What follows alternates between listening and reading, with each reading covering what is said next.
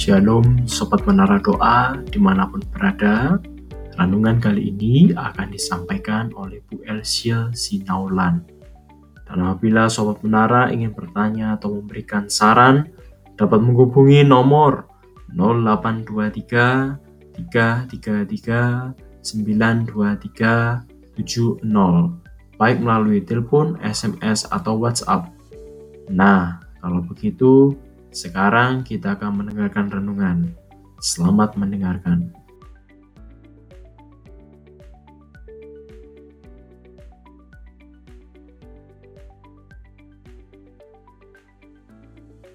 Shalom, sahabat menara doa yang dikasih oleh Tuhan. Saat ini kita rindu untuk mendengarkan kebenaran firman Tuhan. Tapi sebelumnya mari kita satu dalam doa. Bapa di surga kami bersyukur untuk kesempatan yang indah yang Tuhan beri. Kami boleh mendengarkan kebenaran firman Tuhan. Nyatakan isi hatimu dan berkati kami hambamu urapi. Bahkan berkati setiap pendengar yang setia yang mendengarkan pada saat ini. Kami siap untuk menyampaikan kebenaran firman-Mu. Dalam nama Yesus, haleluya, amin. Puji Tuhan. Saat ini kita akan mendengarkan kebenaran firman Tuhan. Kita baca dalam Matius pasal 11 ayat 28 sampai dengan ayat yang ke-30 bunyinya demikian. Marilah kepadaku semua yang letih lesu dan berbeban berat, aku akan memberikan kelegaan kepadamu.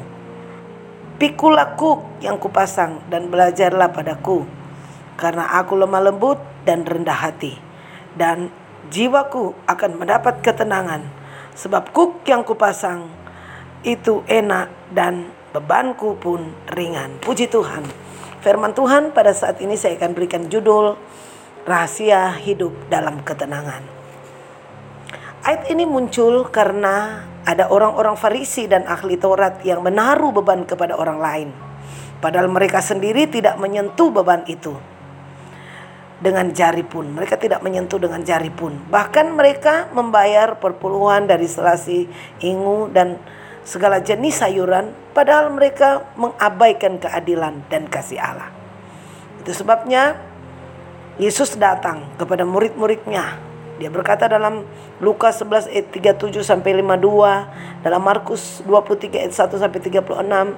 Di sini ada satu ajakan daripada Tuhan Yesus sendiri berkata, "Marilah semua yang letih lesu dan yang berbeban berat."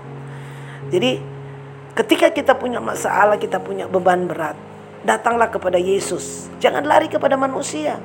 Karena manusia sering kali memberi kita ketakutan. Manusia sering kali membuat kita uh, bimbang, bahkan tidak memberi solusi yang baik. Tapi ketika kita datang kepada Yesus dan ini benar-benar satu ajakan Yesus yang luar biasa bagi kita yang mengalami beban. Apa yang membuat kita tidak ada ketenangan? Yang pertama karena apa? Ada ancaman dalam hidup ini. Ancaman lewat masalah ekonomi, moral, teknologi, dan lain-lain sebagainya. Yang kedua karena ada kesulitan dan kesukaran. Dan yang ketiga karena ada tekanan hidup atau penderitaan. Ada serangan-serangan si jahat. Seperti saat ini negara bahkan seluruh bangsa sedang mengalami masalah yang besar dengan virus corona. Itulah yang membuat banyak orang ketakutan, yang membuat orang tidak tenang, membuat panik, membuat tidak tenang menghadapi hidup ini karena mengalami tekanan dalam hidup ini. Itu sebabnya Yesus mengajak kepada kita, "Marilah kepadaku yang letih lesu dan beban berat, aku akan memberikan kelegaan kepadamu." Sekarang kita akan belajar apa rahasia untuk kita memperoleh ketenangan dalam hidup ini. Rahasia yang pertama dalam Mazmur pasal 62 dikatakan hanya dekat Allah saja aku tenang. Jadi yang pertama rahasianya supaya kita mendapat ketenangan, tidak takut, tidak bimbang, tidak panik dengan ancaman yang sedang terjadi hari-hari ini. Dekatkan diri kepada Tuhan.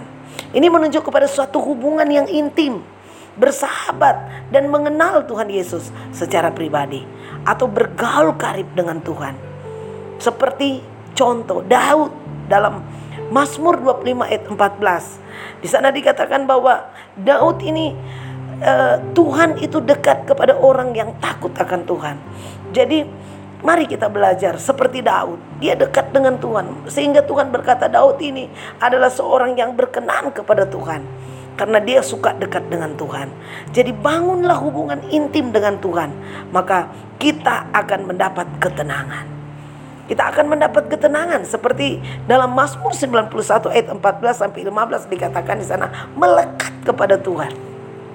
Kalau kita melekat kepada Tuhan, mengenal Tuhan, dan berseru kepada nama Tuhan dikatakan di ayat 14 sampai 15 di sana melekat, mengenal dan berseru kepada Tuhan, Tuhan akan meluputkan kita dari bahaya. Tuhan akan membentengi kita dan Tuhan akan menjawab setiap seruan doa kita. Yang penting dekatkan diri kepada Tuhan. Ketika kita jauh dari Tuhan, maka kita sulit untuk mendapat perlindungan Tuhan. Ketika kita jauh dari Tuhan, kita tidak akan mendapatkan sesuatu dari Tuhan. Tapi kalau kita dekat dengan Tuhan, firman Tuhan berkata dalam Mazmur 91 ayat 14 sampai dengan ayat yang ke-16 dikatakan, "Melekatlah kepadaku, lengketlah dengan Tuhan, jangan jauh dari Tuhan. Dekatkan dengan peristiwa yang sedang terjadi hari-hari ini, dengan peristiwa uh, penyakit sampar." Seperti virus corona saat ini, COVID-19 sedang melanda seluruh dunia. Dunia sedang mengalami ketakutan, dunia sedang mengalami uh, kebingungan, kepanikan. Tapi orang percaya tidak usah panik, tidak usah takut. Karena Yesus sendiri berkata, marilah kepadaku yang letih lesu dan berbahan berat. Makanya itu saudara, untuk kita tenang menghadapi situasi saat-saat ini, dekatkan diri kepada Tuhan. Yang kedua, hidup dalam kebenaran firman Allah. Mari kita mau hidup dalam kebenaran firman Allah. Kalau kita jauh dari kebenaran firman Allah, kita kurang belajar firman Tuhan, bagaimana kita akan mendapatkan ketenangan? Sulit kita akan mendapat ketenangan kalau kita kurang belajar firman Tuhan, kurang baca firman Tuhan. Firman Tuhan berkata di mana ada kebenaran, di situ akan tumbuh. Di dalam Yesaya pasal 32 ayat 17 berkata, di mana ada kebenaran di situ akan tumbuh damai sejahtera dan akibat kebenaran ialah ketenangan dan ketentraman untuk selama-lamanya. Amin, Saudara. Jadi, kalau kita hidup dalam kebenaran, pasti akan ada damai, ada ketenangan, ada uh, sukacita. Karena hanya orang yang hidup dalam kebenaran firman yang suka seperti Mazmur 1 ayat 1 dan 2 dikatakan renungkan firman Tuhan itu siang dan malam. Ketika kita merenungkan firman Tuhan siang dan malam, maka dampaknya kita akan mengalami ketenangan. Sekalipun sekarang orang lagi goncang, orang lagi bingung, tapi orang yang setia belajar firman Tuhan, hidup dalam firman Tuhan, ada jaminan, ada ketenangan, damai, sejahtera. Haleluya. Yang ketiga, hidup dalam pimpinan Roh Kudus. Jadi mari kita butuh Roh Kudus saat-saat ini. Dunia tidak tenang, tapi kita orang percaya butuh. Kita punya Roh Kudus yang memberi jaminan dalam hidup kita. Roh Kudus menjadi penghibur kita. Roh Kudus memberi kita kekuatan. Roh Kudus memberi kita uh, jalan keluar kalau kita dipimpin oleh Roh Kudus. Jadi orang yang tenang ketika dia dipimpin oleh Roh Kudus. Karena firman Tuhan berkata kerajaan Allah bukan soal makan dan minum, tapi kerajaan Allah itu soal damai sejahtera. Dalam Roma 14 ayat 17. Damai sejahtera yang Tuhan beri. Kalau kita hidup dipimpin oleh Roh Kudus, pasti ada damai, pasti ada sukacita, pasti ada ketenangan dalam hidup ini. Yang penting hidup dalam pimpinan Roh Kudus. Dan yang keempat, tidak mendua hati. Amin. Bagaimana supaya kita tenang? Rahasia untuk hidup dalam ketenangan. Walaupun dunia kacau, kita hidup dalam ketenangan. Tidak mendua hati. Karena orang yang mendua hati sama dengan orang yang bimbang. Yakobus 1 ayat 8 di sana dikatakan dia jangan bimbang. Tapi orang yang bimbang dikatakan orang tidak tenang, tidak mungkin dapat berdoa. Dia sulit untuk berdoa kalau dia lagi bimbang. Tapi orang yang tenang, orang yang tidak mendua hati, pasti dia dapat berdoa. Amin. Dengan kata lain, fokuskan hidup kita pada Tuhan. Percayakan hidup kita sepenuhnya kepada Tuhan. Serahkan semua segala khawatir kita kepada Tuhan di dalam doa kita. Ketika kita menyerahkan seluruh pergumulan kita, beban kita, masalah kita kepada Tuhan, percayalah kalau kita tidak bimbang, kita fokus kepada Tuhan, kita akan mendapatkan ketenangan. Amin. Dan yang terakhir kuncinya, kembali kepada Matius 11 ayat yang ke-29 dikatakan, Kuncinya belajarlah pada Yesus. Untuk rahasia kita hidup tenang, belajar kepada Yesus, memiliki karakter yang rendah hati, yang lemah lembut.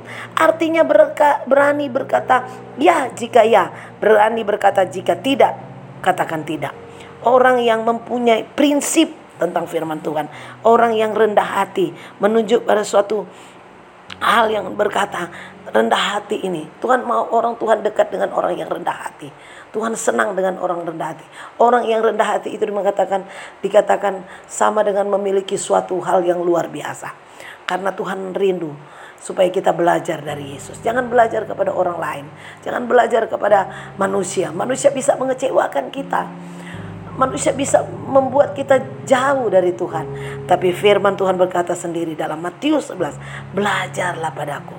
Kita belajar kepada Yesus. Kalau kita belajar ikut teladan Yesus, mengikuti karakter Kristus, saya terlalu yakin kita akan mendapatkan ketenangan. Sekalipun saat ini negara, bangsa kita mengalami badai dengan virus yang sedang melanda hari-hari ini. Tapi kita akan tenang karena kita dekat dengan Yesus. Kita belajar dari Yesus. Kita hidup seperti Yesus. Maka hidup kita menjadi berkat. Dan kita akan menjadi kuat di dalam Tuhan. Dan tidak akan mudah menyerah. Tapi kita akan terus maju mengiring Tuhan dan melayani Tuhan. Puji Tuhan.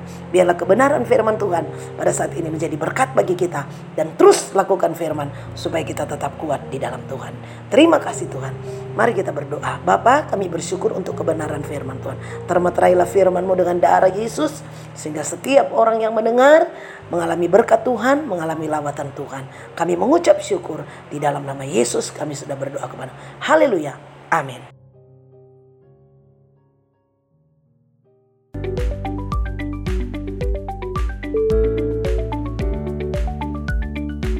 Terima kasih Sobat Menara Doa yang telah mendengarkan renungan kami.